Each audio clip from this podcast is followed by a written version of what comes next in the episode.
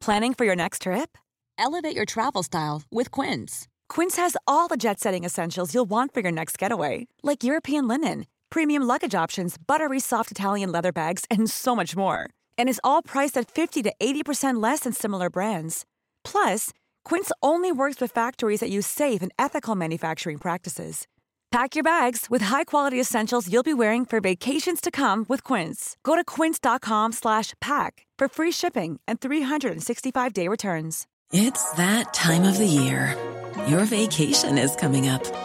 You can already hear the beach waves, feel the warm breeze, relax, and think about work. You really, really want it all to work out while you're away. Monday.com gives you and the team that peace of mind. When all work is on one platform and everyone's in sync, things just flow wherever you are. Tap the banner to go to Monday.com.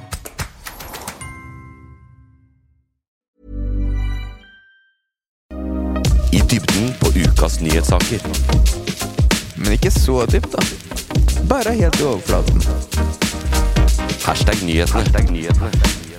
Første dag etter sommerferien, og så må du sitte her og prate med meg om nyheter. Er du, har du fulgt med nok til å være forberedt til det? Jeg har um, Helt ærlig, torsdagen kom litt brått på. Den gjør det. Ja, eh, fordi vi begynner på jobb eh, etter ferie. Begynner vi al- aldri på mandager, vi begynner på onsdager. Og da kommer torsdagen enda bråere på. Eh, så jeg var ikke forberedt på at For vi spiller jo på torsdag, selv om det er fredag når vi slipper den. Det er riktig.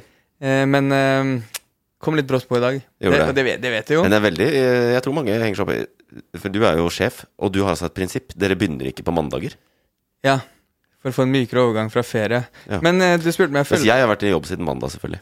Ja, selvfølgelig har du det. For Ja. du jobber for staten Ja. i mer seriøse NUPI. Yes. Men jeg, jeg ba, eh, du spurte om jeg fulgte med på nyhetene. Um, jeg så en sak Jeg skulle bare spørre deg, for jeg, jeg klikka ikke på den i tilfelle det er clickbate. Ja. For jeg går ikke på de, de agna de legger ut. Nei. Men jeg med det. Jeg bare så en overskrift. Ja. Josef Stalin pågrepet på Sri Lanka. Er, er det clickbait? Eh, den så jeg jo, det er jo på en måte Det er ikke det. Hva har skjedd? Det, det, er jo mye opptøy på Sri Lanka, mye bråk der om dagen. eh, mye motstand mot eh, styresmaktene. Så denne Josef Stalin Jeg klikka, da. Jeg lot meg beite. Jeg var en av fagforeningslederne der som har vært og leda, gått i ledetog for de protestene da, som har vært. Så det er jo på en måte en nyhetssak om, om Men, en viktig men det er vel flere, ja, det er ja, vel flere som er pågrepet enn en Josef Stalin? det er det helt sikkert. Det er helt sikkert flere. Det er, du kommer, du, du, det er noe med name recognition. Uh, det kan jo hende at det er derfor det havna Jeg så også at uh, det, var ikke, det var NTB som hadde skrevet om dette. Og da får jo alle mediehusene abonnere på det. Så liksom plutselig skrev alle mediehusene i Norge om at Josef Stalin hadde blitt pågrepet. Så det, det, var en, det, var noe som appellerte til veldig mange eh, journalistvikarer rundt omkring i Norge på, midt på sommeren. Så sånn sett, eh, saken i seg sjøl er ikke clickbait, men det var jo Jeg kan følge deg på at eh, De, de beiter litt. ja, for alle som ikke visste at Josef Stalin, den ekte Josef Stalin var var død for lenge siden, og tenkte at han hva faen gjør han på i Colombo, de tenkte De klikka nok inn i ren nysgjerrighet. Men hva kalte du stillinga hans?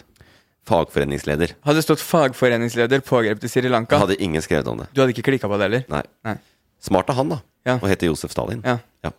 Eh, Men det, jeg syns ikke det er så clickbait. Jeg har også hatt en sånn clickbait-diskusjon gående i sommer. Vi lagde jo en eh, spesialepisode om alle clickbait-nyhetene og sånn også.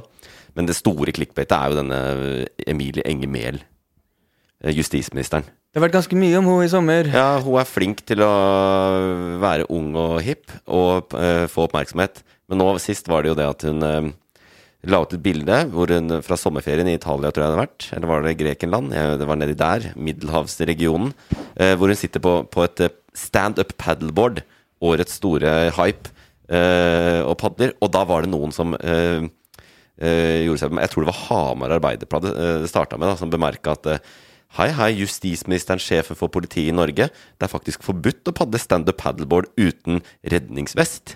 Og baiten var bilde av Selvfølgelig justisministeren, som, som har en litt annen uh, hvordan skal vi si, kroppslig uh, utforming enn de øvrige statsrådene, uh, slik norske regjeringer pleier å se ut. Uh, Så det var en unnskyldning for å vise bilde av Jeg i bikini? Jeg tror det var et unnskyldning for Eh, Jeg må bare arrestere deg på Ikke på det at det er clickbait, men, uh, eller ikke arrestere deg heller, men årets store hype standup paddle. Ja. Ja, det er årets store hype hvis vi er i 2015. Oi, har det vært lenge? har det vært lenge. Jeg var redd det var, jeg var, redd det var årets store hype, fordi jeg har kjøpt to stykker i år. Ja, det er kanskje det er årets store hype, da, men ja, det er verst. ja. Ok, ja, okay, så, det, så jeg, for jeg har vært redd for at det er borte neste år, men det er det ikke. nå Absolutt ikke. Nei, det har vært der, Eller kanskje det, er, kanskje det gikk akkurat i sju år. Ja, hvis man lever på en hype, da er det, det, er, det er for det første ikke en ny greie, men det er i hvert fall ikke en stor hype i år mer enn andre år. Nei, men det er greit. Uansett, eh, vi kan, vi kan, eh, faktisk så er vi så privilegerte at vi kan legge clickbaiten bak oss. Fordi eh, det er ganske mye som skjer, og det er store ting. Det er både på hjemmebane og ute i verden, og de henger sammen.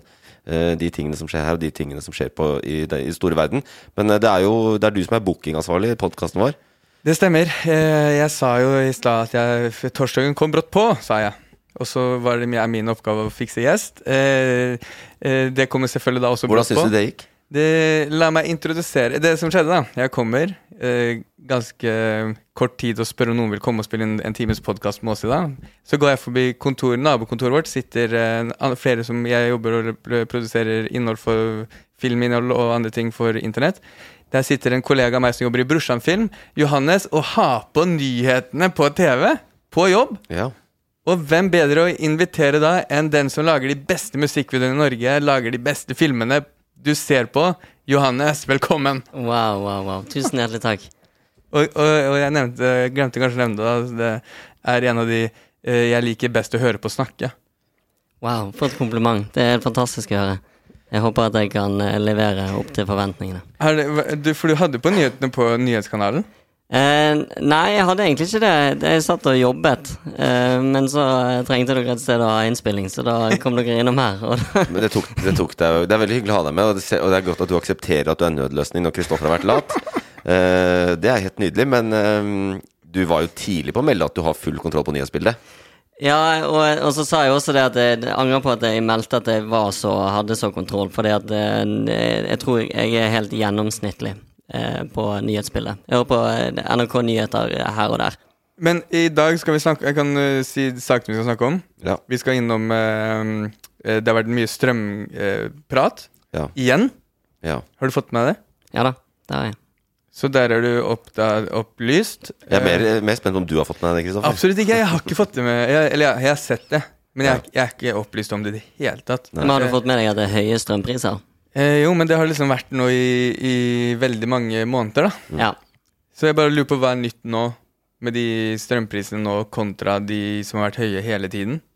Jeg, det er et så godt spørsmål at eh, jeg tenker at det er klart for ukens toppsak.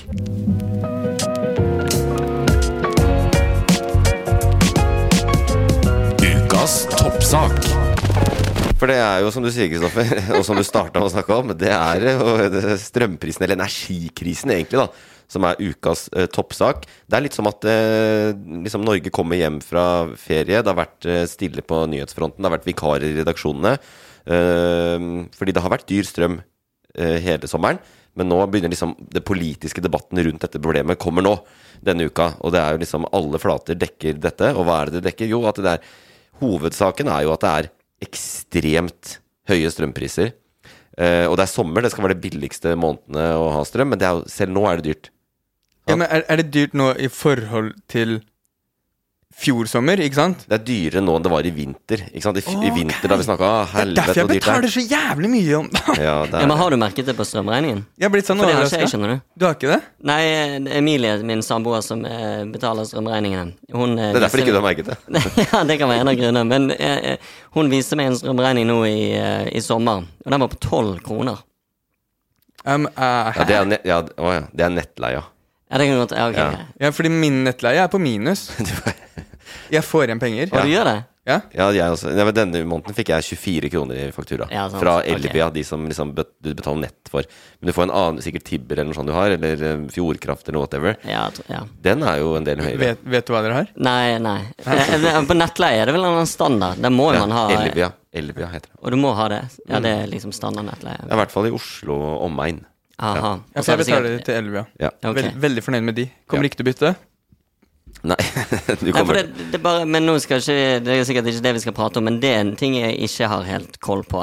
Forskjell mellom eh, nettleie og de som faktisk leverer strøm. Dette hadde jeg ikke planlagt, men det er faktisk Dette er jo folkeopplysning, og det er kanskje Ja, det er folk det. ikke veit. Ikke sant? At det, du får to strømregninger, de fleste. Um, og det er da én Noen får det på samme strømregning, men det er fortsatt to forskjellige ting. Det ene er nettleie, som betaler til de som liksom sørger for at du f.eks. får strøm inn i huset. De som løper ut og reparerer eh, når det strømmen går, så de, kommer det noen til trafoen og reparerer den, bla, bla, bla. bla. Det er nettleie, da, som du betaler. Uh, og så betaler du for selve strømmen, som du kjøper da fra Tibber eller Fjordkraft eller Norgesenergi. eller Sånn. Så det er de to tingene. Og så har du fått en faktura på 12 kroner fra Elvia, fra nettgreia di. Ja. Og jeg har fått en på 24. Og grunnen til at den er så lav nå, og du har fått en hvor du har fått igjen Fikk en 70 kroner. Ja, og grunnen til det er at stat, vi har jo en strømstøtte som Ja. kom i fjor fordi at det var så dyr strøm. Og den har regjeringa forlenga, den pågår fortsatt.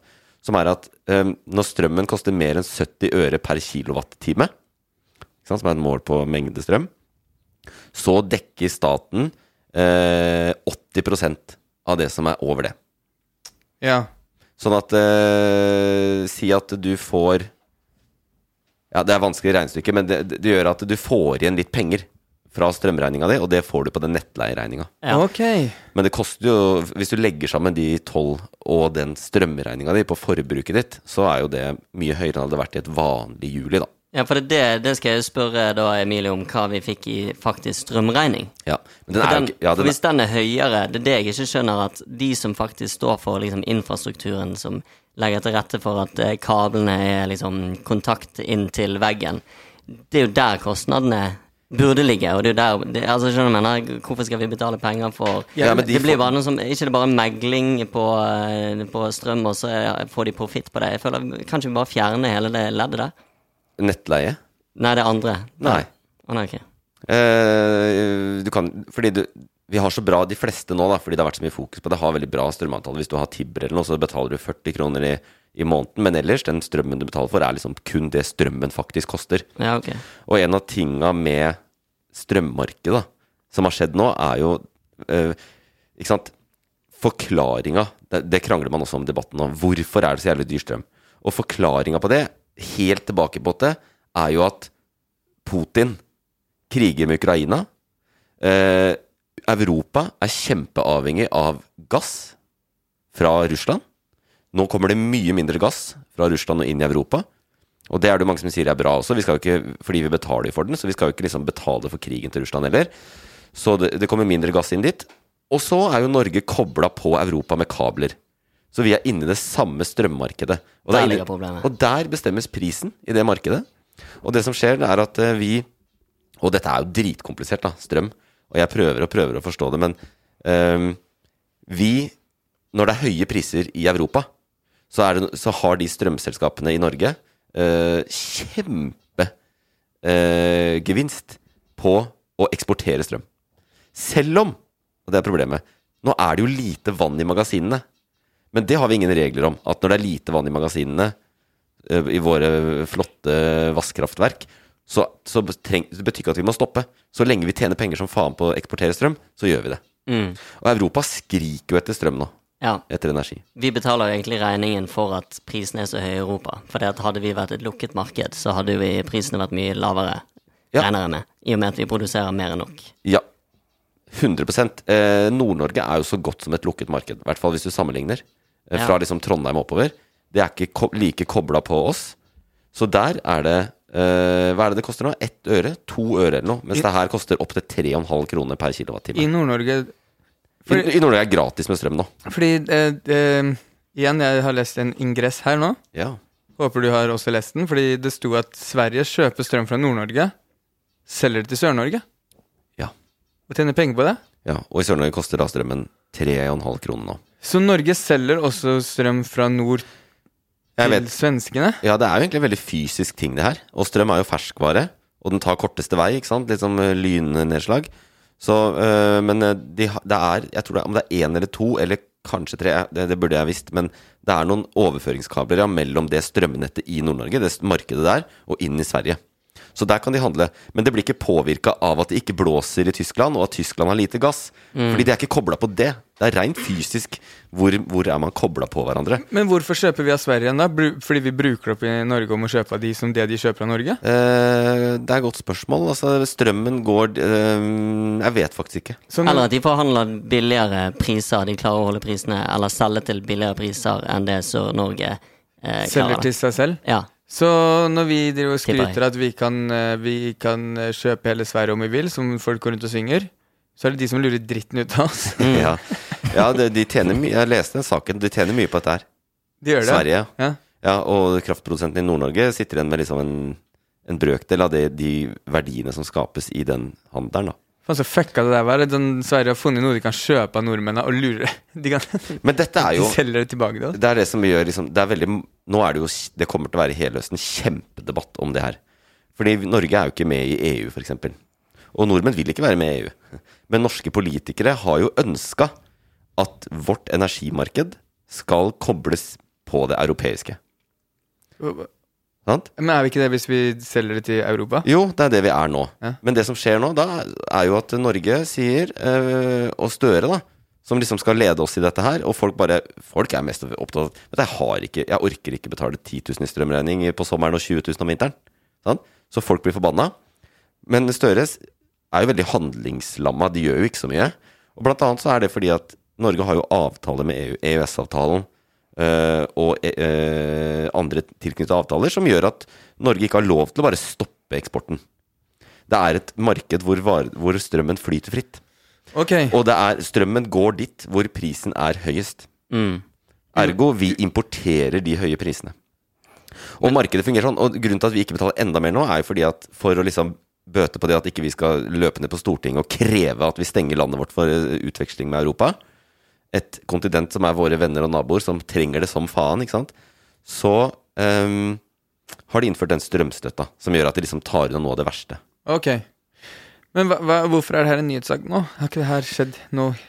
Eh, nei, men det er høyere priser. Jeg tror i Tyskland er det over fire kroner, mens her er det da to. Mens, og jeg tror jo Nå jeg sitte Nå sitter vi midt i Oslo. Eh, det har jo vært mye bråk, men det vært Oslo det har vært dyrest hele tiden. Men nå er det ikke det. Nå er det sør-vest-regionen. Fordi det er, strøm er delt inn i sånne regioner. Nå er det Stavanger og Kristiansand. Ja, det det. er ikke kødd heller. Nå er det Stavanger og Kristiansand og sånn. Og hva gjør de da? Jo, da, de har ordfører og sånn der nede i Arbeiderpartiet. Da ringer de til Støre. Eh, nå må du komme eh, ned på her og forklare deg. Nå må det skje noe. Nå må det gjøres noe. Og nå kommer det til å komme tiltak. Den, det er bestemt at fra eh, 1. oktober så skal 90% av strømmen over 70 øre eh, betales av staten. Som betyr at uansett hva som skjer med strømprisen, så blir det ikke mer enn én krone eller noe sånt per kilowattime for oss. 90% over Over 70 øre. hva- Så du må men- selv betale alt som er opp til 70 øre, men hvis, når strømprisen er over det, Ja. så, bet, så, så får du strømstøtte på 90% av det over. Av det over. Ja. Tungvint system, da. Man Ja. må liksom gå først selge på dyr pris, og så støtte på motsatt ende. Det er veldig sånn Man kunne jo egentlig bare hatt det sånn at ja, det blir mye billigere. Ja, det, Ja, det er jo helt, Det er det er mye fordi, enklere. ja, markedet er helt håpløst. Det Markedet er ikke Det er enkelt. forbrukervennlig. De følger ikke med, jo. Nei. Ja, Markedet er helt ubrukelig. Mener jeg, i hvert fall. Jeg så en eh, annen sak. Ja. Eh, Erna Solberg er ute og krever ehm, strømstøtte fra og med nå. ja. Og det der, det, det, der, det der er sånn tegn på at noe kommer til å skje når det største partiet som ikke er regjering, Høyre, går ut og sier det. At ikke sant, nå eh, Det hun sier, er at Fordi nå er det 80 Det blir 90% fra 1. oktober. Det er bestemt. Det har Stortinget vedtatt. Eh, Men nå sier hun vi burde innføre det allerede nå. Så det hun basically sier, er at du skal flytte den 90 en måned fram. da Så det kommer fra 1. september. Og da kommer det sikkert til å skje. Altså, Men er, er Norge det tjener uansett mer på all den eksporten av gass og, og, og strøm og sånn som vi har nå, enn det de betaler ut til oss i strømstøtte. Ja, Ikke sant? Så det er, det er big business. Men, Men er, det tenkte vi på Bare si det, det tenkte vi på i går, for da hørte jeg på debatten om de greiene her. Eller Ja. Dagsnytt 18, som det heter. Og da tenkte jeg at det er iallfall bra at Norge tjener masse penger på dette her.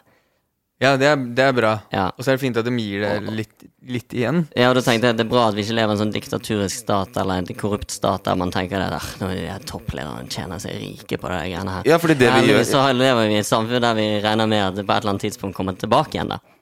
Det er riktig. At eh, det gjør vi, Fordi at det vi kan gjøre, er at vi kan kreve det. Ja. Ikke sant? Så fordi regjeringa er mest vil at markedet skal fungere som det er. Og det andre, som jo er liksom vanskelig nå, er jo klimaaspektet i det òg. Fordi regjeringa vil jo egentlig også si, og veldig mange i miljøbevegelsen vil jo si at men det skal være dyrt med strøm, for da bruker du mindre. Ja. Og det er bra. Vi må bruke mindre energi for å redde kloden. Ja, Kristoffer. Spørsmål er det um, Erna Solberg går ut og sier det. Jeg krever det nå med en gang. Ja. Er ikke det dritsmart når hun ikke bestemmer, å gå ut og kreve ting som er bedre for folket? Jo, jo, det er, det er sånn det er å være i opposisjon. Det er veldig lett å love alt mulig. Og Slagsvold Vedum i Norge Alt skulle bli grønne Alt skulle bli fantastisk når han bare han fikk regjeringsmakt. Og så nå er han tidenes minst likte politiker. Fordi han nå har han makt, så nå klarer han ikke å gjennomføre tingene han har sagt. Men er det ikke mye, mye diggere bare å være i opposisjon? Jo, jo, det var det jeg skulle til å si. Det er jo det som er chill. For da kan du bare fremstå som den aller, aller beste, så har de beste løsningene konstant. Ja. Det er derfor det går i bølger òg, og så vinner Erna Solberg neste valg, og så bare Å, jeg kan ikke holde det jeg lovte. Fordi at mm. Og så går eh, Støre ut og sier eh, 'fiks det bedre nå'. Ja, du har jo liksom Ikke sant. Senterpartiet er jo mot EU og EØS og alt mulig. De er i regjering. Og dette er liksom en prissjokk som skyldes at vi har knytta oss til det europeiske markedet. Og så kommer det masse folk på banen og sier sånn Nei, men nå må vi bruke selvråderetten. Vi må si at nei, vi har ikke så mye vann igjen. Vi kan ikke eksportere til dere, bla, bla. Og så er det liksom Senterpartiet som må sitte i regjering og si nei, nei, du vet, vi har forpliktelser overfor EU. Det vi er ansvarlige for å ha utveksling med de, bla, bla. Og så ler de mye der, ikke sant? I Jeg, Senterpartiet. De ja, de lo. De lo. Jeg syns ikke det er så mye lenger. Nei, det er faktisk sant. det. Han, jeg, har, jeg har ikke sett han le på flere måneder. Det er lenge siden han har ledd. Ja, jeg tror han har det tøft. Hvordan ler han, Øyvind? Eh, Jeg vet ikke. Få høre. Jeg vet faktisk ikke åssen han ler. Johannes, vet du? Ja. Hvordan han ler? Ja, Sånn er det. det var ikke så ille. Ja, det er ganske likt. Det er veldig likt. Det er veldig likt. Nei, men det, er jo, det som er liksom vanskelig her, er at Men det er jo også storpolitikk, liksom. Så vi kan godt sitte her og si sånn Vi må, gjøre, vi må sørge for våre egne ressurser nå, sørge for at folk ikke får et prissjokk. Men det er jo, Europa er jo i krise, liksom. Fordi det Europa vanligvis gjør da, vi, vi, Det vi gjør, er jo å bruke øh, deler av året på å fylle vannmagasinene, og deler av året på å tømme de.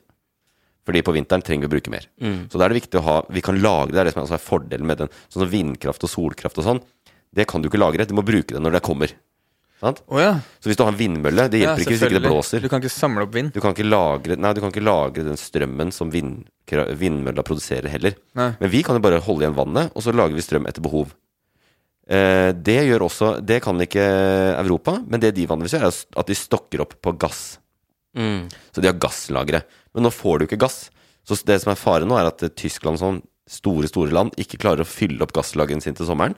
Og da, der blir det fort rasjonering og det ene og det andre. Ja, og det var det du nevnte miljøaspektet. Sant? Når det blir høyere priser på energi, så begynner de å sette i gang med disse kullkraftverkene og Ja. gammel, gammel eh, teknologi som Mm. er jo ikke bra for miljøet. Nederland, det er, Kullkraft er den verste formen for energi. Eh, det mest eh, forurensende CO2-messig. Eh, Nederland starter det opp. Tyskland starter opp. Men de jævla tyskerne De har jo lagt ned to atomkraftverk. Fordi de er redde for at sånn Fukushima-ulykke skal skje. Så de har vedtatt nei, atomkraftverk vil vi ikke ha. Selv om det Nå er jeg politisk her men, og mener veldig sterkt, men det er ikke så farlig. I kontrollerte former i det klimaet vi har i Europa, Hva- det er ikke farlig. Fukushima, hva da? Den derre kjempe... Den reaktoren i Fukushima i 2011 som eksploderte fordi det var en um, Tsunami. tsunami. Oh, ja, ja. Så Samme, det, samme som Tsjernobyl, liksom? ja, atomkatastrofe. Ja, det er det samme. at Det er atomkatastrofe. Ja, så tyskerne har liksom Brukt en annen referanse. Ja, det er, det er greit. Jo, men man har kommet litt lenger enn Tsjernobyl i teknologien, Ja. regner jeg med. Ja. Og, og, og så har man lært det at man kanskje ikke har atomkraftverk rett ved kysten, der det også er fare for tsunamier. Ja. Der hvor det er mest jordskjelv. Men inni Tyskland der ja, Uansett, jeg er litt sur på tyskerne for det. Det er jo de. Og apropos, det er jo også tyskerne som er har bygd to gassledninger til Russland og har gjort seg ekstremt avhengig av Russland. Ja, det var det greiene der, ja. Ja, og, og det, nå skal jeg lære dere en ting til. Fordi altså eh, Det som skjer nå, ikke sant Dette er en sånn takeaway til dere og alle lytterne våre. Energipolitikk er jo geopolitikk. Og det vi har gjort, da, eh, siden eh, kalde krigen ble slutt og sånn, er jo å tenke at nei, men energipolitikk er bare bra, og hvis alle gjør det de er gode på, så kan vi utveksle med hverandre og kjøpe og selge. Men det vi ser, er jo at Europa har gjort seg veldig avhengig av Russland. Og kablene er der, gassen er der, men de vil jo ikke sende den, og vi vil ikke ha den. Fordi det er geopolitikk også. Og så lenge de eh, holder på med den forferdelige krigen, så vil ikke vi handle med de. og geop geopolitikk hva Altså at det er, at det er eh, konkurransepolitikk da, mellom stater. Ja. Altså, eh, det hjelper ikke at vi har kabler, og at vi har Altså, det hjelper ikke at jeg har nummeret ditt hvis vi er uvenner. Da ringes vi ikke uansett. Ja, sånn sett, ja. Og ja, det var et mindre Eh, for jeg kan blokkere nummeret. Er det det, liksom? Ja. Men um, Ja, og Russland har nå begrensa gasstilførselen en, veldig mye. et klipp jeg har sett nå gå mange ganger, rundt på TikTok, er um, Trump som fraråda Tyskland å gjøre seg så avhengig av Russland. Ja, han gjorde det. Og mange har gjort det. da. Og eh, Trump er for meg en forbanna stor vits, men akkurat når man ser tilbake sånn i retrospekt nå, det han sier der, er jo dritsmart. Ja, og fordi Trump har jo sånn verdenssyn hvor alt er konkurranse. Mm. Ikke sant? Alt er nullsum, tap, vinn, eh, spill, ikke sant? Så han, eh, han mente det allerede da. At eh, de ikke ble gjort det. Og nå har han fått eh, Han har jo fått rett nå. 100 Ja, og i dette, det. blant annet, De har en kabel som heter Nord Stream 1, som har vært operativ i mange år. Og så drev Russland og Tyskland og bygde en ny Nord Stream 2. Og den er ferdig. Den eh, ligger eh, ute i havet der i Østersjøen og går ned i Tyskland. Klar til å utveksle gass. Kommer aldri til å bli tatt i bruk. Mm. Det har Aldri? Tyskland sagt det. Den skal ikke brukes. Ja, man skal aldri si aldri. Nei, Um, du sa du hater tyskerne. Uh, nei det sa jeg ikke. Ja, det ville passet. passe det vil Jeg var litt forbanna på dem. det vil ikke jeg ha sagt. Ikke jeg heller. Veldig mange hater Tyskland for tida, faktisk. Fordi de gjør ikke så mye for å hjelpe Ukraina heller. Jeg vet jo, om mange som i tyskere, men det er en helt annen grunn. Ja. Ja. Og da skal vi lenger tilbake i tid. Mm. ja. Sånn, du, bruk, du snakker mye om ting som har skjedd nå i nåtid. Ja, Jeg snakker om Tsjernobyl, jeg snakker om nazisme, jeg snakker om liksom Du har liksom et historisk perspektiv på det hele. mye, mye lengre perspektiv på ting. Ja. ja. Men det, så nyhetssaken er um, Fordi, jeg lurer på Hvorfor faen snakker vi om strømmen? Det er det med at ja, det har vært forbanna dyrt fortsatt nå i sommer. Og det med at vi skal få strømstøtte, er det det som liksom er? Ja, Som er det. nytt? Og at uh, det kommer til syvende og sist Det er en debatt om veldig mange ting, men også liksom Norges tilknytning til Europa og, og avhengighet av um, å- Eller å være en del av det europeiske markedet. Okay. Og, men samtidig solidaritet, ikke sant? Fordi noen på den ene siden vil si dette er en krise fordi vi har bygd kabler. Andre vil si dette er en krise fordi Putin har den krigen. Og så kan vi ta opp en ny ting til debatt også, men som eh, Johannes nevnte i stad. Det der med trenger vi de to regningene? Kan vi ikke bare slå det sammen og Mm. få rabatter på det istedenfor 90% her og der? Ja, men det, hvis du, det er noen strømselskaper du får det hos. Gjør det enkelt. Jeg fikk én faktura. Gjør det enkelt. Det er politisk parti, det. Ja, gjør det enkelt. Handler med energi. Men det er faktisk eh, Det kommer til å komme Dette kommer til å være den store debatten hvis ikke det blir verdenskrig. You never know. Men i løpet av høsten i Norge kommer dette til å gå og surre og gå. Vi skal ikke bli energipodden. Det er lett å henge seg på de der sakene som eh, går hele tiden. Men det kommer til å bli masse regjeringa kommer til å måtte gjøre noe. Altså De er jo helt tiltaksløse, og folk sitter og ser at strømregningene blir helt enorme. Og det, jeg tenker ikke på meg, liksom. Jeg tenker på de som har uh, alenemoren med tre barn som bor i et hus fra 70-tallet, hvor du bare må varme opp. Mm. Og det kommer til å koste hvis strømme, hva, hva, hva er det greit at strømregninga blir i Norge? da? 15 000 i måneden? 16 000? 17 000? Det er jo helt Hvis du har, er alene og har 23 000 utbetalt etter skatt, det går jo ikke. I hvert fall ikke når strøm og brød har blitt dyrere. Nei. Diesel, Og det perverse her er at bensin. nå, nå begynte jeg å tenne når vi akkurat skulle bli ferdig med dette, men eh, det som jo er et faktum, er at vi har heller ikke ingen begrensninger på det Statkraft har fått beskjed om, de som eier alle disse vannressursene. Det er eh, Hvis det er penger å tjene på å eksportere, eksporter. Så vi sparer ikke i vannmagasinet heller. Sånn? Som kommer til å gjøre Ja. Vi er helt fordi at De gjør ikke noe. Fordi når vi, våre vannmagasin Sånn som markedet funker, når vårt vannmagasin er tomt, og vi ikke har mer eh, vann i de og kan produsere strøm, da importerer vi strøm. Fra Sverige. Det Som er kjøpt fra fra Nord-Norge. Sverige, eller hvis det blåser i Storbritannia, eller noe eh, andre vindkraft fra Tyskland og sånn. Men eh, det der rimer ikke for folk, ikke sant? Når, de, når det er vi som må ta regninga. Så det, en av de tingene som kommer til å komme høst, er at Norge kommer til å kreve at vi må lov Vi kan ikke bare eksportere fritt, vi må kunne spare. Vi må sette et minimumsnivå på hvor mye vann det skal være i, i kraftverka, eh, før vi kan begynne å eksportere. Og når det er så lite, når det er veldig lite, så nekter vi å eksportere. Og Det de heter- Ja. Det heter Statkraft. Er det, sta er det staten? Ja. Okay. Det Det er liker jeg når, forresten, når eh, statlige selskaper heter Stat først. Enkelt og greit. Derfor irriterer meg når Statoil endret navn til Equinor. Det Ja. heter Statoil. Og, og så er nevnt i Circle K. Et inni der. Jeg gir eh, Det er et dårlig navn. Vet dere hvorfor det heter Circle K? Det skal være mer intern eh, international. Nei, fordi det skal være Det er ok. Å ja! Det er ok. Wow. Så ræva. Ganske trist Det var, markeds... det var bra navn, jo. ja. Cir circle line, double line. Det er en K. Ja. Circle Line. Ja. Kunne det også hett. Kjempebra. Kjempebra. eh, men det skal jeg si, dette er jo et omdømmeproblem for Statkraft, det som skjer nå, ikke sant, for Statnett. Så jeg kan garantere deg at jeg gir de to navnene, Statnett og Statkraft, jeg gir de fem år. Så bytter de òg. Ja. Sånn derre Statkraft kommer til å bli Renew. Skal de bytte navn? Ja, eller bare noen på to bokstaver, for det er jo den Ja. nye trenden. Skal Ja. være så kort som overhodet Ja. mulig. NSB til Vy, Ja. korter det ned, tre til to. Og Akvariet i Bergen, er jo for Bergen, Ja. det heter nå O. ja. O? Bokstaven O. O? Mhm. Det er, det, det, er, det, det er den bokstaven Circle K mangla. ja, det er det faktisk. Du tok den derfra. Ja. Nei, men eh, denne krisen løper videre. Uh, men det finnes større kriser, og potensielt utslettende kriser. Bare hør på dette.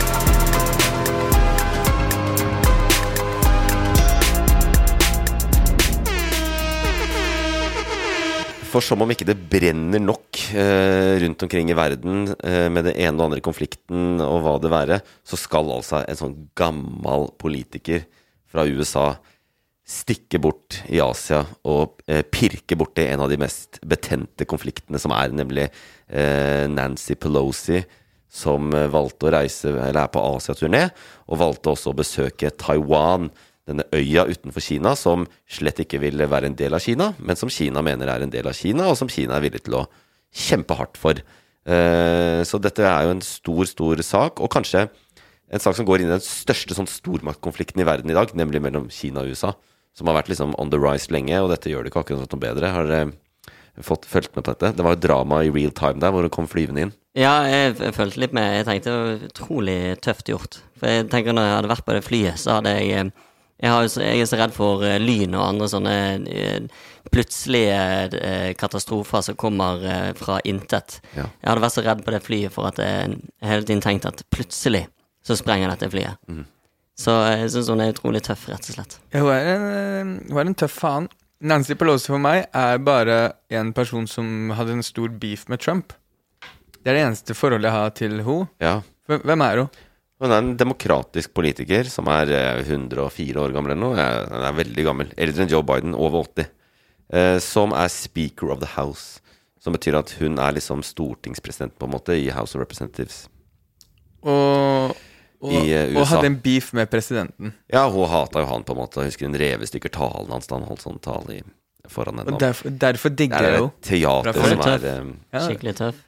Ja, hun er veldig tøff. Men uh, opp, det der med at uh, de skulle bli skutt ned Jeg leste at uh, sånn, noen som sa at fordi at hun faktisk reiste, så var de 9, altså 99% sikre på at amerikansk og kinesisk for, øverste hold i forsvarene der hadde vært i kontakt og sørga for at det ikke kom til å skje. Ja, for at hvis de hadde skutt Kina, ned det flyet, så hadde det, da hadde det blitt verdenskrig. Ja, og Kina er faktisk ikke så vi- Dem skal vi gi dem. De er ikke så uforutsigbare. Du kan snakke med Kina, og de er sånn Ja. Det, jeg tror det som er Her er det mest De blir forbanna på USA. Ikke så øh, litt sånn forbanna på hun Pelosi, sikkert, som skal dit og markere. Eh, Sist en så høytstående person fra USA var i Taiwan, var i 1997. Og siden det, så, og da var da eh, Hongkong fikk selvstendighet fra eh, Storbritannia og sånn. sånn at ikke sant, Kina har noen få sånne der områder, de også, Macau og sånn, hvor som de mener som, Litt sånn grensedisputter. Eh, og Taiwan er viktig, har vært det siden, eh, siden 1949. Hvorfor det? For da var det krig der borte. Eh, mellom Og dette er sånn jeg burde kunne på rams, ikke sant? Men det var mellom det, eh, det kommunistiske partiet og en sånn nasjonalistbevegelse. Og så eh, vant eh, det kommunistiske partiet, men da tok eh, det nasjonalistiske partiet, eh, Chiang Kai-shek, tok makta på Taiwan, da. Og liksom lagde Taiwan. Og så har det vært men for Kina så er det ett Kina-politikk, heter det. At, det skal være, at, Kina, at alt er Kina, på en måte. Og den henger fortsatt, ikke sant. Det, det, eh, Taiwan tør ikke å ta noen steg for å si nei, vi er selvstendige. De mener at de er det i praksis, og det er på en måte det, Altså de deltar, på, de deltar i OL under sånn OL-flagg og ikke sant? I praksis så styrer de seg selv. Tsai Ing-wen heter statsministeren. Men de er i prinsippet under Kina, ikke det? Det er Eh, en del av Kina. Eh, Ja. I, På i, papiret. prak, I prinsippet så gjør det det. Ja. Men eh, ja, Så da blir det jo bråk når en høytstående amerikansk person reiser dit. Det blir som et statsbesøk å regne, ikke sant? Som, gjør at, som anerkjenner Taiwan. Og det aksepterer ikke Kina, og de blir nok mest forbanna på Taiwan. Som de syns leker med ilden da, ved å invitere en og la henne komme og, og statsministeren hvor, møte hvorfor, hvorfor skal vi dit nå, eller hvorfor er hun invitert nå? liksom? Hun er på sånn derre Asia-turné, da. Men og akkurat Taiwan så sier hun det er for for å Vi lever i en tid hvor det er veldig viktig at demokratier står opp for hverandre. Og, og Taiwan, det er det som er gøy, interessant. de har utvikla seg så forskjellig fra Kina. Taiwan er jo liksom Sør-Korea i Kina, på en måte. Det er eh, Jeg skal ikke si at det er i Kina, men eh, et demokrati, et velfungerende demokrati. Men Kina er jo det stikk motsatte. De er jo et Et velfungerende autokrati, diktatur. diktatur. Altså, de har ikke demokrati. Eh, Men det er velfungerende diktatur. Eh, det kan du jo si. Så lenge det er velfungerende, tenker jeg. Ja. Samme, samme det, vel. Ja. Hvem er vi til å si hva som er riktig du så, lenge, styresett? så, lenge jeg, så lenge jeg får strømstøtte, så driter jeg i det. Ja, det er akkurat det. Ja. Nei, men eh, så, så det som Kina responderer med, og det sa de jo, vi kommer til å svare militært. Og det har de gjort. da Nå har de, har de sånn, eh, sin største militærøvelse rundt Taiwan, denne øya, eh, på lenge. Masse fly og det ene og det andre som eh, sirkler rundt øya. Og det har vært noe skutt noen missiler inn i havet og sånn, da. Ja, de skyter bare ned i vannet, da. Ja, bare ned i vannet. Ja, ja. Ja. Men det er skummelt for dem, ja. Absolutt. Fordi de misser det, eller? Ja, det er det jeg tipper. Det er bare missilene funker liksom ikke. godt. Taiwan er null redd. Nei, det var det jeg sa før podkasten. Jeg har ikke lyst til å bli flagget av eh, Kina, så passer litt på. Ja, Jeg er- forsiktig å si, men jeg har et spørsmål, fordi um, Hvis Kina vil at Taiwan skal være en del av Kina, Mm. og Taiwan er en øy, liten øy, ja. er det ikke veldig enkelt for Kina å Jo, men de må, ville måtte liksom gjøre det militært, da. Ja, men, men eh, hvor, hva hindrer de? Uh, potensielle kostnader. Verdenssamfunnet vil ikke akseptere det. USA vil Altså, det er jo sørøst Det er Sør-Kina-havet. Det er det havet utenfor der. Det er der de, den, Det gjør kanskje vondt å høre det, men den Russland-Ukraina-krigen er jo en regional konflikt i Europa, på en måte. Hvis du skal tenke på hvor de store Hvor, hvor tredje verdenskrig egentlig starter, så er det jo der ute. For der har du Japan og Kina også, som er uenige om mange ting. Og du har uh, USA, som har seilt borti der i 10-15 år nå og hevder seg. Du må, USA har jo hav den veien òg. Vi liker å tenke at USA bare liksom har Atlanterhavet over hit, og så kan de reise videre til Kina, men det er jo Så de hevder seg veldig der, da, i Fordi the du, Asia fordi Pacific. du mener at eh, kloden Ja, du har tydeligvis Jeg mener at den er rund. Jeg mener den er rund, men den har vi hatt før, og du er helt uenig. Men Mange det er som greit. mener det, har jeg hørt. Det er jo om det, men da Ok, det er litt Så de kan reise den veien? Ja, men det er litt debatt burde hun reist eller ikke, liksom. For du syntes hun var modig, så du likte det, du. Ja, ja, ja, jeg syns at det var eh, veldig modig av henne. Ehm, det er jo uh, Besøke de, snakke litt med de. Ja, det er jo modig, fordi eh, hun satte seg inn i et fly. Ja, men burde hun gjøre det? Pre eh, president Biden, ikke særlig fornøyd. Utenriksminister Anthony Blinken har sagt at dette støtter vi ikke. Det er ikke vårt besøk, det er hun som velger å reise. Hvordan er forholdet maktmessig mellom Biden og Pelosi? Nei, han, altså, hun er jo Han er president, og hun er leder i en av de folkevalgte forsamlingene, så de er jo Men det er han som har mest makt. Og Det er han som kan erklære krig, f.eks., på vegne av USA. Det kan ikke hun. Ok, sånn, ja. Men det er bare noe med at det, verden Vi er litt på vippepunktet, da. Mm. Alt går til helvete. Um, og så skal man velge å gjøre dette. Og ja, og sånn, det er litt sånn makt eh, Jeg anerkjenner kanskje makt over demokrati her, men det er litt å pirke borti noe som potensielt kan bli jævlig farlig. Jo, men du, sa, du spurte oss da om hun burde gjøre det. Ja. Burde hun gjøre det? Jeg syns ikke det. Hvorfor ikke det? Jeg synes det er unødvendig provokasjon. Eh, I den tiden vi lever. Vi vet at Kina støtter eh, Russland litt i å eh, gjøre om verden, eller endre den verdensorden vi lever i. De syns at De er ikke noe særlig fan av USA. USA er et liksom fallende stormakt. Som nå Hvis de skal Jeg ville vært mer forsiktig. Altså, Kina er Kina. De er så mektige som de er. Taiwan er veldig viktig for dem.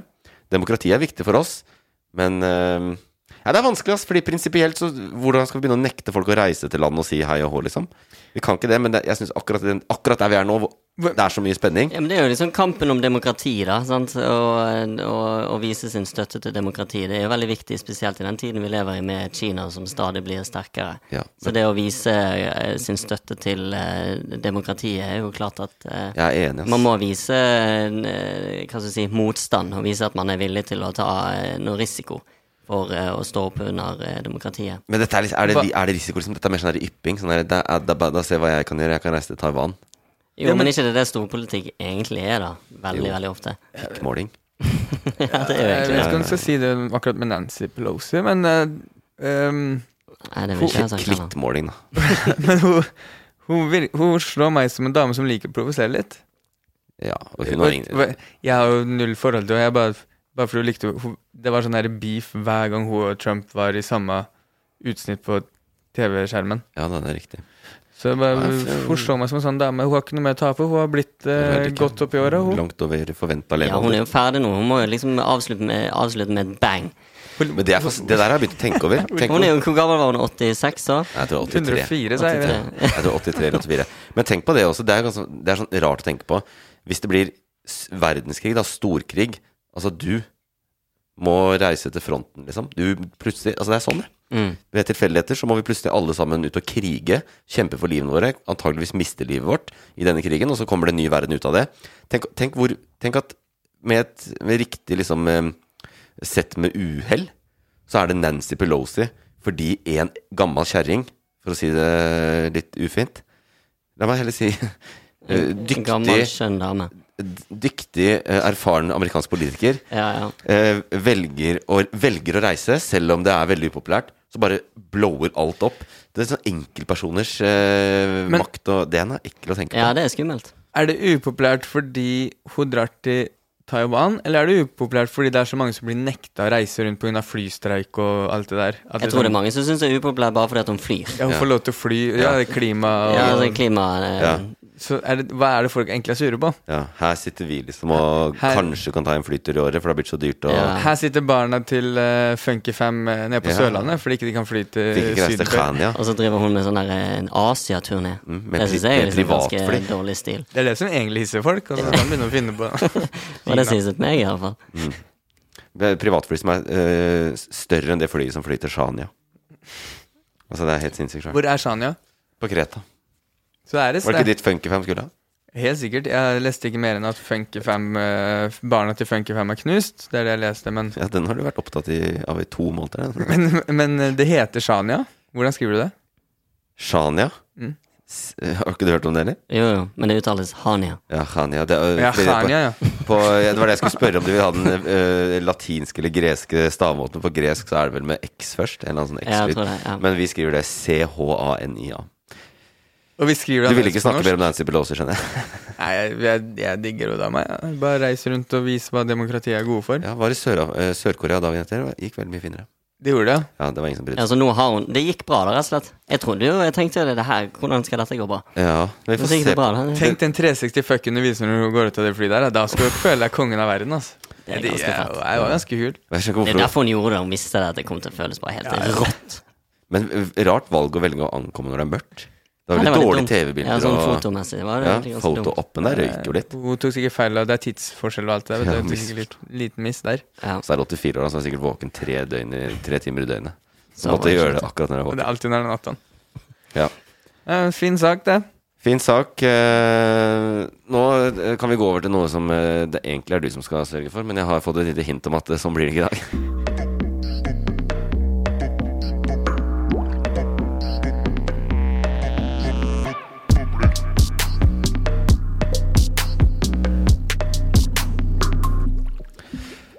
Fordi eh, når du starter med å forsømme ditt ansvar, hvorfor ikke forsømme alt?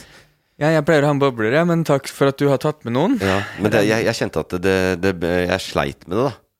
Fordi at det på, prinsippet med bobler da er at vi, det er de sakene som ikke nådde helt opp i nyhetsbildet denne uka. Ja, ok. Pleier- Vær litt med på liksom det løsslupne skråplanet. Jeg, Ja. klar, jeg har med veldig seriøse ting, jeg. Ja, ikke sant? Ja. Så ikke så bra at du tok over de boblene. Nei, men du, hvis du gjør jobben din, så kan du ta de.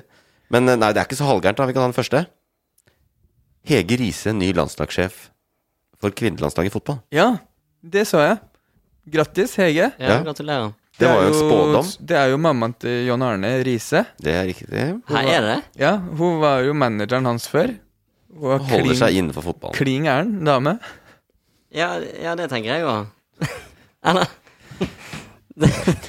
Nei, hun Hege gal, Riise alle er jo gale, ikke? Hva heter mora til Jon Arne igjen? Jeg vet ikke om hun er klin gæren. Faen, er ikke det Hege, det òg? Hilde Riise? Nei, et eller annet sånt. Jeg skal, jeg skal finne det ut mens du Finne ut, forteller om Hege saken. Riise er ikke det. Hege Riise er en norsk fotballegende. Den med flest landskamper for eh, kvinnelandslaget. Har vært trener i mange år. Trent Lillestrøm, blant annet. Eh, vært innom faktisk og trent det engelske landslaget. Nå har hun trent jenter 19-landslaget Norge og kom til finalen i EM. Wow. Hvor de tapte på overtid mot Spania. Så Hege Riise er den all, hva som var på alles lepper da det gikk galt. da i, eh, i, eh, Og vi skjønte at eh, han Sjøgren kom til å få sparken. Men så har det blitt et debatt, da. Fordi at noen journalister spurte ok, så bra at dere ansatte en kvinne i norsk toppfotball. Hva tjener hun? Mm. Var Eh. Eller spørsmålet de stilte, var vel tjener hun det samme som Ståle Solbakken? Mm, er Som jeg tjener spørsmål. for norske herrelandslaget. Det er riktig.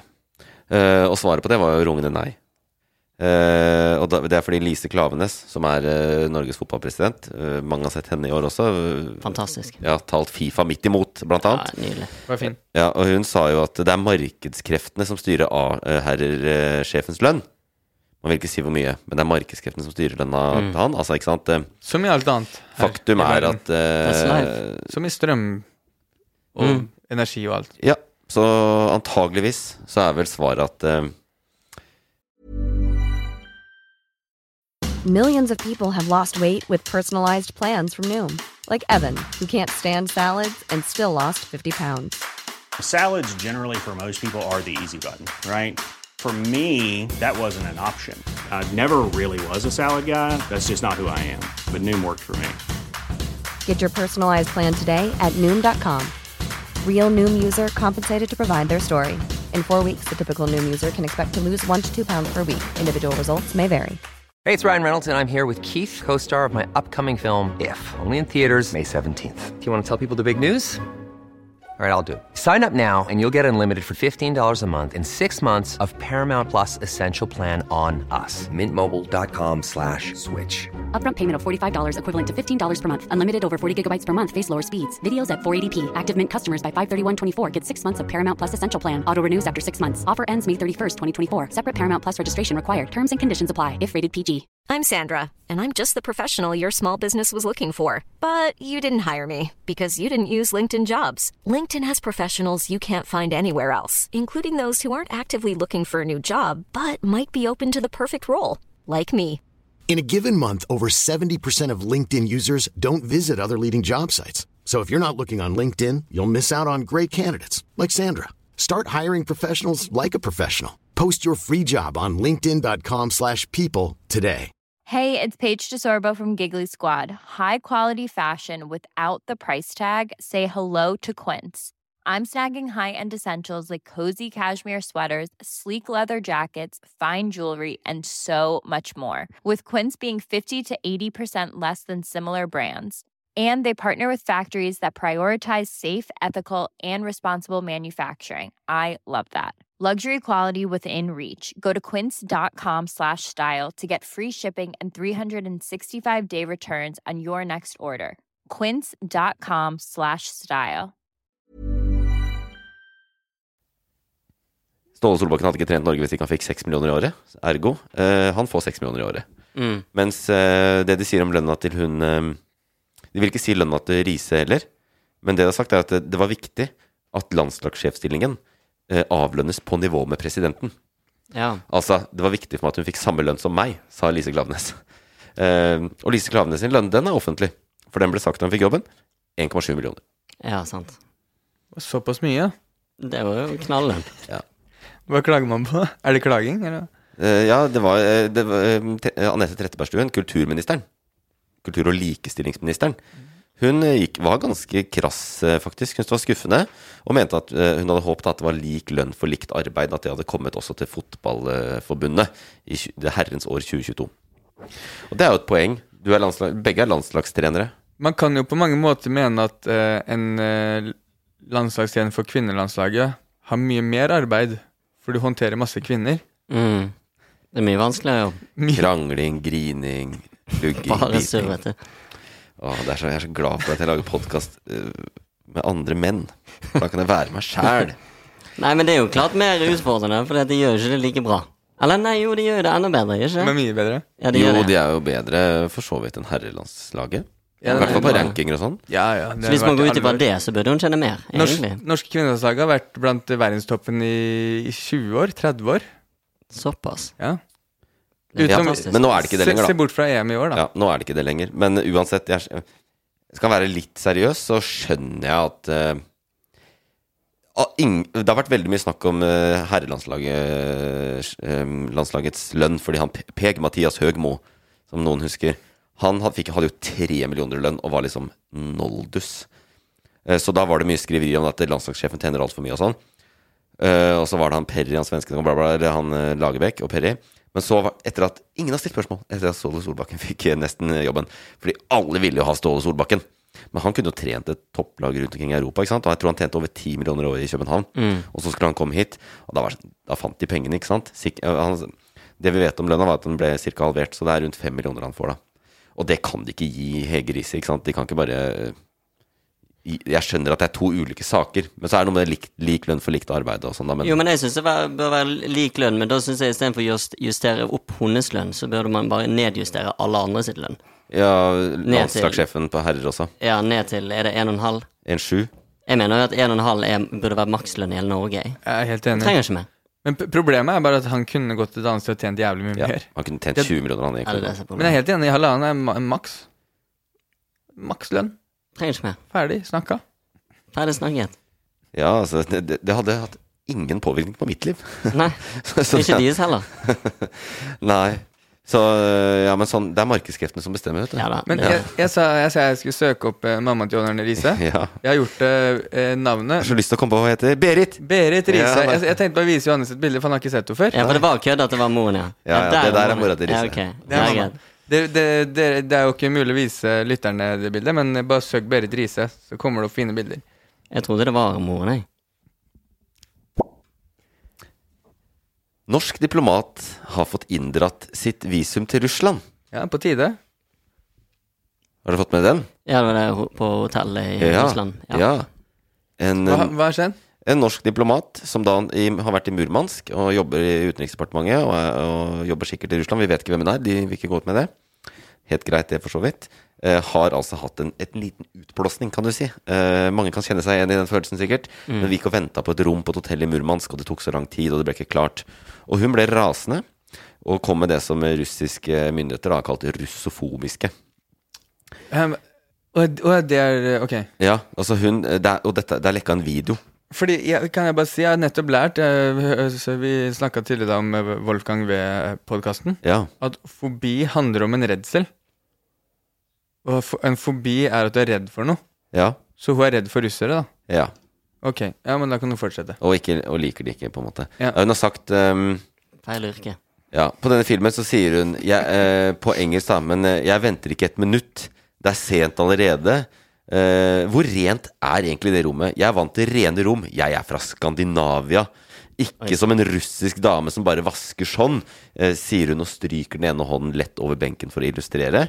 Og så sier hun eh, jeg hater russere. Dette er fuckings irriterende. Dere bare fucker opp alt. Dette hotellet er en skam, og alle dere er en skam. Så, og alle der skjønte det norsk, da? Hun sa det på engelsk, nei. Ok. Yes. Ja, men, De- men, altså, jeg tenker at du går på diplomatskole, da, Mm. og lærer deg ok, nå, ok, greit, nå skal jeg bli diplomat. Mm. Regner med at du lærer en del triks Ja, eh, det oppi heter eh, takt og tone. Takt og tone, hvordan du skal oppføre deg som diplomat. Da er det noe av det første du lærer at når du er i eh, det landet du er, representerer Norge for, så sier du ingenting dumt. Og sånn som jeg har forstått, så er jo også dette hotellet Det var ganske eh, åpent at det, det hotellet her er eid, eller iallfall er tilknyttet, er tilknyttet eh, den russiske stat, og da også er avlyttet. Så dette visste jo hun også, da, mest sannsynlig. Skulle man tro. Eh, og da i tillegg eh, få den utblåsningen der, det syns jeg er rett og slett eh, dårlig takt og tone. Det- Det burde hun lært på diplomatisk. Hun har lært det, det skal jeg love deg. Men, men, men hvorfor bruker du ikke det å lære ut i praksis? Det kan faktisk hende det er så banalt at ikke de lærer det. Det, jeg, det ville vært overraskende hvis de var på det kurset, da. På diplomataspirantkurset diplomat-aspirantkurset. Mm. Og det var sånn Ok, da er det første time, dere. Um, hvordan tror dere dere skal snakke om folka i det landet dere skal til? Ja, ja. Si at du skal til uh, Kenya. Eh, da er det viktig at du ikke sier offentlig 'jeg hater kenyanere'. ja. Det er veldig banalt, så hun her har jo hatt en meltdown, ikke sant. Men det blir jo brukt eh, da det ble lekka. Russiske myndigheter ble rasende. Mhm. Hva heter? Maria Sakharova, den derre eh, propagandasjefen, eh, talskvinnen til eh, Putin. Gikk ut og kritiserte dette og sa at dette må Norge gjøre noe med. Her forventer vi en respons. Og i går da så kom svaret på dette ved at eller Norge og tilbød en beklagelse til Russland. Det er sånn rart med diplomati, for dette må skje parallelt med at vi hater dritten ut av dem for den krigen de fører. Men ikke sant, diplomatiske forbindelsene er der fortsatt, så vi må forholde oss til spillereglene for diplomati. Så Norge har beklaga det, sagt at det var ikke bra oppførsel. Og hun burde Hvem, ikke hvem fra Norge da? eh, Den norske ambassadøren til Moskva. Han Har vært i møte med, russiske myndigheter. Uh, og fikk uh, Og det var for så vidt greit, men eh, Russland har også inndratt visumet hennes. Ikke sant? Og det hadde jo også russerne sagt, at uh, hvis, du, hvis det er så jævlig vær, så kan du pelle dette helvete vekk. Og det er jo game over som diplomat, ikke? Uh, Game over som diplomat i Russland. Ja. Eh, Spent på hva som skjer med henne. Jeg tror ikke, altså Det er jo eh, stillingsvern i staten. Det kan ikke bare si henne opp, vet du. Det kan Å, ikke ja. Nei, nei, hun blir Så hun plassert blir nødt til plassert kommer, kommer tilbake på kontoret, så er det sånn Ja. her, søren av hvilket land skal vi sende ja. Nei, hun blir ikke sendt ut. Hun blir sånn bøttekott på det utenriksdepartementet her i Norge. Ja. Får beskjed om å liksom lese NRK og oppdatere. ja, men det syns jeg hun fortjener. Ja, det blir nok et eller annet sånn, men, Men, eh, det er sikkert bedre der enn i Russland. Men uh, det som overrasker meg her, da, ja. er at vi har fortsatt diplomater i Russland. Ja, vi har ikke brutt i diplomatisk forbindelse med Russland. Og jeg trodde det var eh, gitt, ja, når, det, at, når man har tatt steg forbi det som er uh, Fordi de har gått i krig? Ja? Nei, vi har fortsatt eh, åpne kanaler. Det har jo for så vidt også Jeg tror til og med Ukraina og Russland har det. Ok. Det er veldig alvorlig grep å liksom bryte det diplomatiske. Det er ikke vanlig. Jeg tror det er liksom Nord-Korea. Det er et land veldig mange velger å ikke snakke med. Ikke har mulighet til å snakke med. De sier vi har ingen diplomat, diplomatiske relasjoner, men ellers så har man det, altså. Og jobben til eh, hun som var i Russland, er rett og slett bare snakke med russerne? Det vet, nei, vi vet, men det var i, vi vet ikke hvem hun er. Men det var i Murmansk, og Norge har et sånn general, eller sånn konsulat i Murmansk. For det er veldig, mange, veldig mye utveksling nord oppi der, ikke sant, mellom folk og sånn. Så de kan hjelpe nordmenn i Murmansk og bla, bla, bla. Så det kan hun bare jobbe med konsulærsaker, sånn hjelpe folk som har mista pass, eller nordmenn som bor der oppe og som sliter med et eller annet. Så. Uansett, hun er diplomat, liksom, og hun har antakeligvis gått den skolen, Mm. eller det kurset. Og burde klare å oppføre seg eh, bedre, selv om vi alle selvfølgelig syns at ruslerne er noen jævler. USA har cassa Ayman al-Sawiri. Mhm. Rus USA har cassa Ayman al-Sawahiri. Hvem? Ayman al-Sawahiri. Ja, han er eh, Al Qaida-fyren. Ja. For det var ikke cassa du sleit med å forstå? nei, nei, hvis det var Cass var, jeg bare lurer på hvem faen er han? Han Ja. var bossen etter eh, Osama bin Laden, skjønner jeg det? Jo, han var en av de topplederne En av de tre topplederne i Al Qaida. Og han var vel den siste gjenværende levende som eh, De lovet jo at de skulle ta alle. Han her var den siste gjenlevende av de som fløy de flya inn i de tårna i Ja, ja. Men eh, ja, Siste som overlevde. Så han her var en av lederne sammen med bin Laden? Ja. Så nå er alle tre tatt? Ja. Men hva, hva, hva het han andre? Eh, Al-Baghdadi, var det ikke? Det høres kjent ut. Al-Baghdadi. Var det al-Baghdadi? Ok. Jeg tror det. Men uh, det er mange av dem. Jeg tror det var det. Men uh, nei, litt av poenget her er jo at de fant Altså, dette er jo etterretning. De sitter jo og følger med på droner og det ene og det andre. Og så oppdaga de han. Og hvor oppdaga de han? Midt i Kabul. Ja, var det det, ja? Ja. Var på terrassen, var det ikke? Jo, på terrassen. Midt i Kabul. Og dette, ikke sant, disse Al Qaida-folka har jo En av grunnene til at den krigen i Afghanistan starta, var jo at etter 9-11, fordi amerikanerne erklærte krig mot terror og skulle drive Al Qaida ut. Eh, og, så er det Taliban også, som er en konkurrerende makt i eh, Som nå styrer Afghanistan, etter alt som skjedde i fjor høst. Eh, og så har jo de på en måte garantert at nei, Al Qaida skal ikke komme tilbake og få noe makt og, og, og liksom rom til å eh, drive med sin virksomhet i Afghanistan. Og så har vi alle vi har jo stikket, eh, pinsomt som det var, den der tilbaketrekninga. Mm. Og så oppdager han plutselig på en terrasse midt inni uh, inni Kabul. Og hva gjør amerikanerne da? Kæseren. Ja, De skyter med drone. Han er feigt. Og det stiller vi ikke spørsmål om. Nå skal jeg være litt, sånn der, nå skal jeg være litt raddis her. Det er bare sånn derre ja, Vi er sinte på Russland, ulovlig krig mot Ukraina. Vi er sinte på det ene og det andre fordi alle gjør så mye galt. Men våre nærmeste allierte de bare flyr dronene inn i et selvstendig land, og så dreper de folk der. Ja, det er jo litt sykt, egentlig. det Det er brudd Men på det var, folkeretten, det er ikke bare, det var bare det han de tok, da? Eller? Det var Ja, ingen andre som de ble drept? og Ingen sivile? De, sa, de har jo sagt at vi har brukt veldig presise våpen. Mm.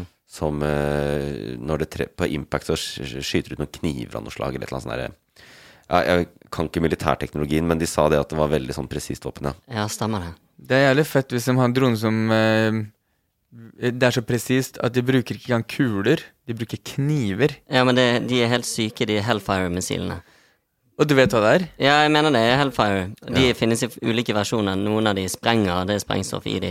Men det er også den som er, mest eh, det er presisjonen i det. Den har bare Rett før impact så kommer det masse kniver ut. Sånn som jeg har forstått det riktig. Ja, det var- som den- bare slicer. Jeg får så mye spørsmål. Ja. Eh, den, eh, det ene er ja, det er veldig smart. Ok, an, um, hva heter det? Jeg vet ikke. Sånn gåsetegn. Mhm. Mm. Vi trekker oss ut. Gåsetegn slutt. Mm. Vi er borte. Og så sirkulerer det med droner. Nå trek kunne vi ha gjort det med en gang. Vi er ikke her lenger. Vi bare Ja, ja. flyr rundt, bare henger på verandaen deres. Ja, er så flyr sant. de rundt med droner, og så skyter de kniver på det Og så det er det Leader of the free world, vet du. Kan Ja. gjøre hva de vil. Mm. Altså, jeg tror USA under Obama drepte 3000 mennesker i Pakistan med droner. Ja, det er vel koko. Pakistan som er naboland til Afghanistan, og da var det jo masse tilstedeværelse i Afghanistan. 3000 randoms. Nei. Men em, hvor- sikker skal du ikke være da på at den personen er den personen på en, på en gæla veranda? Jo, da skal du være sikker. Ja, mye, mange spørsmål. Og eh, det her har vi faktisk ikke snakka om, men det er, det, er en, det er en ganske lenge siden nå, det var før sommeren, når eh, Bush jr. Ja. holdt den talen når han sa feil. Så, Ja. så du det? Ja, hva sa det han? Han, han uh, skulle Ja, at de visste at, at, at, de ikke, øh, at de visste at de ikke hadde Nei, hva var det han sa? Nei, han, han, eh, jeg skulle ønske jeg hadde noe ord til hva han sa, men uh, han snakka jo Han skulle jo si at de eh, bryter masse regler og går inn i krig de aldri skulle vært i. Ja. I Irak, Mm. sier han. Han snakka jo om Ukraina. Ja, Han skulle ja. si Ukraina, og så unnskylder han seg på at han er blitt gammel. Men han sier jo akkurat det USA gjør, Mm. og så sier han det han selv gjorde, at han gikk Ja. inn i Irak. Um, og ehm, det her er jo det de driver med. Det er jo så brudd på så mange ting som Hva faen, liksom? Mm. Han, kalte, han kalte invasjonen i Irak for unjustified and brutal. Mm. Ja, og så sa han feil. Ja. Han sa Irak istedenfor Ja. Ukraina. Ja. Så jævlig flaut. Ja. Men jeg skjønner, han, hva var det Al-Savari han het? Ja. Han eh, har jo hatt noia i 20 år. Men det er jo klart du kan ikke ha like mye noia i 20 år. Det begynner å dabbe av på et eller annet tidspunkt. Så det er sikkert første gang, da. Jeg kan også at det er første gangen han går ut på terrassen. Ja. Etter, etter 20 år, da bare se for deg det. Hver eneste dag så har du hatt fyre opp grillen Så er det sånn, ok, nå har det gått 20 år, liksom. Nå tar jeg meg en tur ut på terrassen. nå, skal jeg fyre, nå, skal, nå skal jeg fyre opp grillen for en gangs skyld. Han har jo Og da kommer det en jævla knivdrone med en gang. Det Det er er helt sånn sykt. Det er sånn Sånn, det er- sci-fi eh, Det Det er viser bare det at du kan Du kan faen aldri slappe av. Du, du kan ikke gå ut på terrassen. Da selv krigen- 20 år. Da krigen brøt ut, så hadde ikke dronene kniver og sånn. Så han er jo Nei, han er sikkert ikke klar over det heller. Han har glemt at ting har utvikla seg. Ja, han har blitt uforsiktig, da, for han har trukket inn i Han tenker sånn nå er de ute, nå er det Taliban som styrer Afghanistan, nå er det trygt å være inne Jeg har lyst til å være i Kabul, jeg kjenner på pulsen i storbyen igjen. Ja, Kabul er sikkert helt rått. Ja, så, ja sikkert dritfett. Og så stikker han inn der, og så tar det noen uker, eller hva, jeg vet ikke hvor lenge han har vært der, ja, Jeg, jeg, jeg tipper det var fire sekunder på verandaen. ja. Det er første gang. Han har aldri noensinne vært på et før. det, Men det skal du vite, eh, at hvis du dreper 3000 uskyldige amerikanere, så er du ikke trygg noen gang resten av livet. Nei, det er sant. De tar deg uansett. Og de 3000 er jo de tallene fra um, flykrasjet. Ja. Tenk, for, jeg, for jeg leste nettopp hun, hun som ble så kjent, hun som var dekka i aske. Ja. jeg husker ikke hva hun fikk et tilnavn. Hun døde jo av kreft. Noen, det er mange som har dødd av kreft og sånne der ting etterpå. Ja. Hvor mange afghanere tror du har drept, da? Siden 2001? Ja, Ikke sant? Og det snakker vi ikke om. Jo, Nei, vi det er snakker jo litt om det. Vi veit om Så det. vidt. Eh, Det var boblerne, Kristoffer. Syns det var bra? Jeg syns det var helt ok. Du Bare trykk på bobleknappen en gang til. Justin Bieber er i Danmark. Nei. Nå er, der er Kristoffer tilbake. Har du vært på Nettavisen nå? Det er bobler, det. Ja, Justin Bieber er ehm, i Danmark, Man kommer med sånn derre ehm, eh, eh, hvor- Hvorfor blir det her nordmenn? Fordi han kom med sånn dryppstativ gående inn, og han skal jo tross alt spille i Trondheim Ja. eh, på søndag. Mm. Eh, på Leangen travbane. Eh, og så nå er jo nordmenn redde for at han eh, ikke skal klare å gjennomføre, da. Du mente Leangen, eller? Ja, For vanligvis når man- det er kansellerte Leangen. Vanligvis når det er kansellerte konserter, sånn som a-ha, så er det noen sånne halsproblemer. Ja, det, det ting som ikke er så veldig synlige. Så er det sånn Hæ, kødder du? Kansellerte du? Men når du kommer med et sånn dryppstativ Ja, jeg, intravenøst, så er det sånn Da er det ganske sannsynlig at det blir kansellert, altså. nei, nå skal jeg være med på, på uh, Bieber-nyheten her. For at jeg fikk, lærte tidlig denne uka at han har jo fått sånn syndrom. Ja, stemmer. Sånn lammelse i halve ansiktet. Ja. Som ikke kommer til å gå over. Mest sannsynlig for han, sier legene. Og det er jo sikkert derfor, for da tar du Ja. sikkert noe medisin og sånn. Ja. Jeg tenkte det var det. Så han kan synge, da. Det er bare det at han eh, Å synge med halve ansiktet. Ja. Men eh, det, det, har han det fremdeles? Jeg tror det. Hjelpes meg. Det kan være at det er det. Så er det bare eh, at han eh, Fordi i USA så er det mange sånn når du er fyllesyk, så, så tar du sånn vitaminer intravenøst. Mm. Ja, kanskje var det. Det er flere klinikker i Oslo som tilbyr det. Hvis du er ordentlig bakfull, da. Skikkelig Så kan bakfull. du legge det inn og få vann intravenøst. Men eh. Men øh, øh, broren min er nå i Danmark, så jeg fikk bilde av han i stad. Han har tatt bilde av flyet til Bieber. Hvis jeg zooma inn 800 ganger, så så det ut som en liten måke på himmelen. Så, Men det var flyet. det var flyet. Bieber, Bieber på vei til, eh, til Norge. Til, hva kalte du det? Leangen? Ja, Leangen, ja. Det der skjedde Det var jo sånn der lokalnyhetssak. Det var vel uh, Vikebladet i Ulsteinvik som skrev om 'Her er Bieber over Ulsteinvik'. Fordi de tracka flyet hans da han skulle tilbake til USA en gang han var i oh, ja, sånn. ja. Ja, men det er nyheter jeg liker. Jeg syns det er kult. Ja, det, det, det er nyheter jeg liker. Altså, til dere som skal på Leangen. Um, konserten fikk totalslakt Hæ? Say what? I Say Danmark. What? Bieber? Han som er så flink. Hele terningkast to. Men, men hva faen vet anmelderen? Han er ikke i målgruppa, tenker jeg.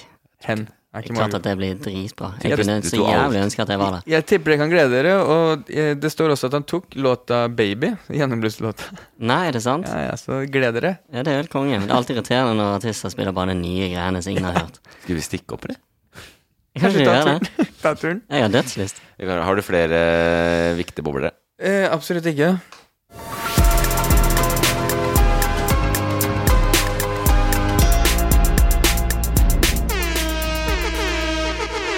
Jeg er nesten sliten, jeg. Ja. For nå har det vært sommer, rolige saker, litt lange spesialer, litt mye Vi har liksom drevet med Agurknytt og sånn. Det har vært, det har vært en eh, dens sending, har det ikke? ja, jeg har ingen referanser, men eh, veldig mye innhold, absolutt. Det har vært tunge saker. Energi og, og krig i Taiwan og han der um, Justin Bieber har vært Er, innom. er det det du sitter igjen med, at det er krig i Taiwan? Ja, For det, konklusjonen var vel at det er det ikke. Kina drev og skjøt noen missiler de drev og missa med Ja. rundt i vannet der. Og det er mye greier. Ja, nei, men det var ehm, Det var eh, Det er godt å være tilbake med de litt ordentlige nyhetene. Selv om nyhetene eh, for det meste om dagen handler om at alt går til helvete. mm. Eh, Men det, det får være. Jeg føler at du har Som en Kristoffers nødgjest, du som er så fordypt allerede, følt at du har fått liksom enda mer kjøtt på beinet inn i helga, så du kan stå over liksom eh, Nyhetsmorgen lørdag morgen. Ja, ja, absolutt. Jeg føler jeg har fått mange nye perspektiver på ting. Det har vært veldig interessant. Det er, helt fantastisk. Jeg føler meg eh, klar for å eh, ta fatt med på eh, nye dager. Og hvis eh, eh, du som lytter føler deg også nok oppdatert og du ikke trenger å se på mer nyhetsting i helga, hopp inn på YouTube, se på Tix-musikkvideoen som uh, Johannes har lagd sammen med resten av gjengen i Brorsan. Hva heter den? Fallen sangen Fallen Angel'. Ja, ja. ja. Det heter Fallen Angel. Men uh, ja. Samme hva den heter. Det er musikkvideoen jeg bryr meg om. ja. For den er fet. ja, den er knall. Gå inn og se. ja. Nei, men det er veldig hyggelig. Takk for at du var med. Takk også til dere som hører på. Vi er tilbake om en uke, vi. Det er vi. Ja. Ha det. Ha det. Ha det. Hey, it's Paige DeSorbo from Giggly Squad. High quality fashion without the price tag. Say hello to Quince. I'm snagging high-end essentials like cozy cashmere sweaters, sleek leather jackets, fine jewelry, and so much more. With Quince being 50 to 80% less than similar brands. And they partner with factories that prioritize safe, ethical, and responsible manufacturing. I love that. Luxury quality within reach. Go to quince.com slash style to get free shipping and 365 day returns on your next order. Quince.com slash style.